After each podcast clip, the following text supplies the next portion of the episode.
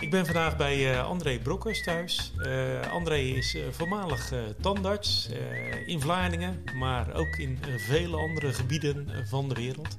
André, ja, allereerst dank voor, voor de ontvangst hier bij jou thuis in, in deze mooie woning en ook mooie omgeving. Jij bent niet alleen in Vlaardingen geweest de afgelopen tientallen jaren. Nee, zeker niet. Nee, zeker niet. Ik ben in heel wat andere landen geweest. En die begon eigenlijk op een gegeven moment in Malawi. Ja, dat klopt. Ja. Waar ligt dat? Malawi dat is een land dat ligt uh, ingesloten tussen uh, Zuid-Afrika, uiteraard. Uh, tussen Mozambique, Tanzania en Zambia. En daartussenin ligt dat land Malawi. en dat heeft een fantastisch mooi meer voor de kust. Een binnenmeer, zoetwater. En er komt de grootste variëteit aan uh, uh, zoetwater, uh, cyclides komen daarvoor. Maar hoe kwam jij daar terecht? Ja, dat is een hele goeie. het hele verhaal begon eigenlijk, ik was eigenlijk helemaal gezetteld. Hè? Ik had een huisje, boompje, beestje, mijn werk begonnen, kinderen, een mooi huis. En toen was ik op verjaardagsvisite bij mijn zus in, in Maasluis. En uh, daar was iemand aanwezig en die deed vrijwilligerswerk in Kenia. En uh, ja, die vertelde wel, hadden het daar uh, het een en ander over. En op de terugweg naar huis zei ik tegen Yvonne in de auto van... Oh, dat zou ik ook, had ik ook zo graag willen doen, hè, vrij, vrijwilligerswerk. Ze zegt, nou, laten we het eens uitzoeken. Ja?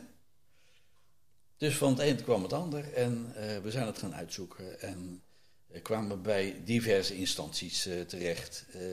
ook het Leger des Heils, internationale organisaties. En uiteindelijk kwamen wij terecht bij Memisa. Memisa Medicus Mundi heette dat destijds. Tegenwoordig heet dat Cordate. En ja, ze, ze, ze, hadden inderdaad behoefte aan een tandarts in Malawi. Voor drie jaar. Nou, dat, ik kreeg het helemaal Spaans benauwd. Ik denk van drie jaar mijn huis achterlaten, mijn praktijk achterlaten, uh, mijn kinderen meenemen en naar Afrika met slangen en wilde dingen. En wat ga je doen? Uiteindelijk uh, uh, toch verder gaan onderzoeken van, van ja, wat zijn de consequenties en dergelijke. En ik, uh, ik, op een gegeven moment zei ik van joh, uh, drie jaar dat durf ik niet aan. Een jaar, dat wil ik wel doen. Nou, ze zaten echt om, uh, omhoog, want er was een, een, Nederlandse tandarts die ging daar weg. Uit het St. Luke's Hospital in Malawi, in de buurt van Zomba. En ze moesten gewoon een vervanger hebben. Even tussendoor, eh, je kreeg altijd een, eh, een opdracht mee voor een zorg dat je de laatste tandarts bent. Uh, en dat geldt ook voor de doktoren. Zorg dat je de laatste dokter bent, maar in de regel lukt dat gewoon niet. Maar goed, uh, er was een opvolger nodig en, voor een jaar. En ze, ze accepteerden dat, van nou dat is prima. Dus ja, dan gaat de hele rollercoaster gaat, gaat draaien of rijden of wat dan ook. En uh, ja, je moet dan een cursus doen. Uh, het Tropeninstituut in, de, uh, in Amsterdam moet je gaan bezoeken en informatie inwinnen en dergelijke. en op een gegeven moment was het puntje bepaald. het ging gebeuren. En een waarnemer gezocht die mijn plek in zou nemen in de praktijk. Gevonden.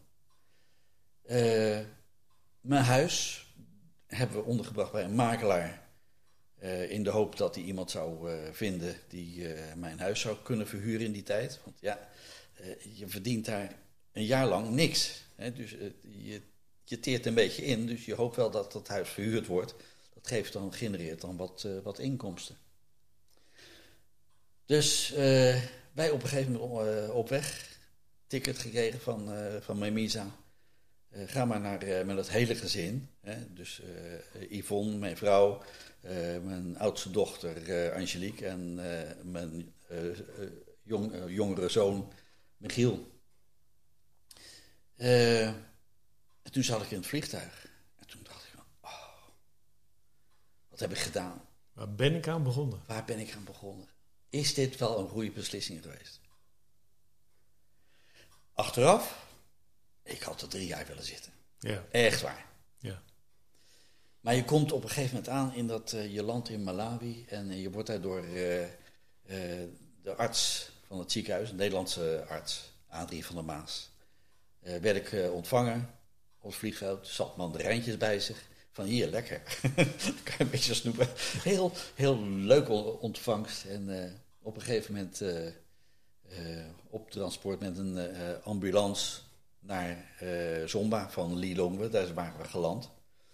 Eh, kwamen we, eh, gingen we met de ambulance naar, naar het ziekenhuis. Ja, een ambulance dat is een voorwieldrijf. Hè, dat is niet zo'n ambulance zoals we dat hier kennen. En ja, dan kom je daar in dat ziekenhuis aan. En dan zie je gewoon allemaal mensen op een bed liggen. Maar ook mensen tussen de bedden op de grond. Hè, want er zijn dan niet voldoende bedden. En dan zie je die, die, ja, die situatie zoals dat eh, daar is. En als je dat vergelijkt met hoe de situatie hier is. Dat is zo hemelsgroot verschil. Dat is ongelooflijk. Eh, maar ja, als je daar een jaar bent, dan gaat dat wennen. Dan denk je van ja, dat, zo leven die mensen. Ja? ja. Nu, nu zat je daar een jaar. Eh, Ja. Maar als je dan nu terug zou kijken en, en je zou dingen benoemen die jou het meest bijgebleven zijn Ja. in dat jaar. Bijzondere gebeurtenissen of bijzondere zaken die speelden. Of ja, Er komt wel een situatie eh, naar boven. Eh, ik, heb daar, eh, ik heb daar niet alleen als standaard gaatjes zitten vullen. Eh, er waren daar mensen die dat eh, deden. Het was meer de boel managen. En moeilijke dingen verrichten. Ook, en dat was nieuw voor mij, dingen verrichten in de operatiekamer. Wat ik eigenlijk niet gewend was. Maar ja, alles went. Maar vanuit het ziekenhuis waren er ongeveer 75 eh, kleine kliniekjes. of ja, eh, kleine dorpjes waar dan een dental orderly, zo, zo werden die mensen genoemd, eh, werkte. En die ging je dan bezoeken.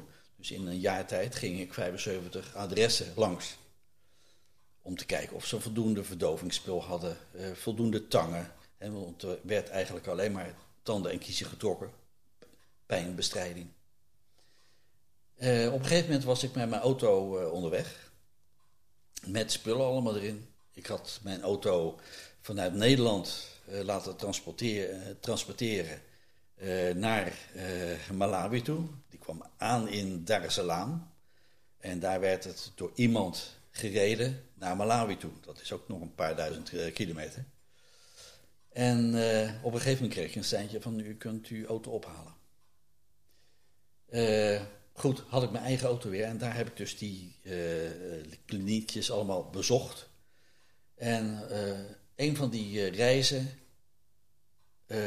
dat gaat allemaal via onverharde wegen en met stenen en dat is echt niet geasfalteerd of wat dan ook. Stond ik ergens even stil en rook ik een benzinelucht. Ik kijk onder de auto en ik zag een heel klein straaltje benzine eruit lopen. Ik denk, ik zit in het middle of nowhere. Er is geen benzinestation, geen eh, ANWB of wa- wat dan ook, helemaal niks. Wat doe je? Dus eh, ik was met eh, een dame die, die reisde mee, een, een, een assistente. En ik zeg, wil jij je vinger even op dat gaatje houden? Toen begon ik te denken van, ja, wat moet ik nou eigenlijk doen? En toen dacht ik van, weet je wat? Ik haal een, ergens een, een, een schroef uit, eh, uit de carrosserie van de, van de auto. Er zitten zat schroeven in. Ik scheur ergens een stuk rubber af. Ik doe die schroef door een stuk rubber. En schroef die, eh, die eh, schroef in dat gaatje. Nou, dat hielp wel een beetje, maar dat ging niet helemaal geweldig. Op een gegeven moment kwam er toch een, een meneer langs in een busje van een theeplantage. En die zat ergens in de buurt. En die stopte, hij zegt, wat is er aan de hand? In het Engels. Ik zeg, nou ja, een gaatje en ik probeer het dicht te krijgen, maar het lukt niet helemaal. Ah, hij zegt van, uh, uh, doe je sop? Ik zeg, pardon, wat, wat, bedoelt u daarmee? ja, sop. Voor je hands. Wat bedoelt u? Hij zegt, kom maar mee. Dus ik in zijn auto meegereden naar zijn uh, theeplantage. En toen ging hij naar een, eh, een wasbak toe en daar lag een stukje zeep. Dat was soap. Maar, maar dat begreep ik echt niet. En toen legde hij dit uit van nou, als je nou dat stukje rubber insmeert met zeep. Zeep dat lost niet op in benzine. En dan doe je dat op dat rubber en dan schrijf, draai je die schroef er weer in. Uh, en uh, dan is het dicht. En dat klopt het dus ook. zo gezegd, zo gedaan.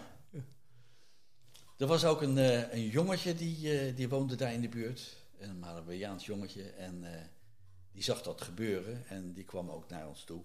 Met een soort bak. Zal ik helpen? Ja, die bak. Onder de benzinetank voor de druppels die dan toch nog langs liepen. Om die op te vangen.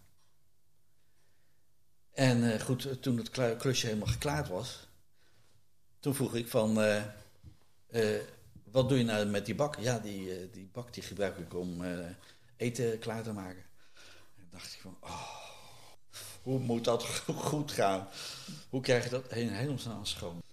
Ja, dat, dat is een, van die dingen die ik herinner aan hele spannende verhalen. sinds ik uit Malawi teruggekomen ben eh, hebben ze mij gevraagd om in een eh, stichting eh, plaats te nemen. de stichting St. Luke's Hospital Malawi.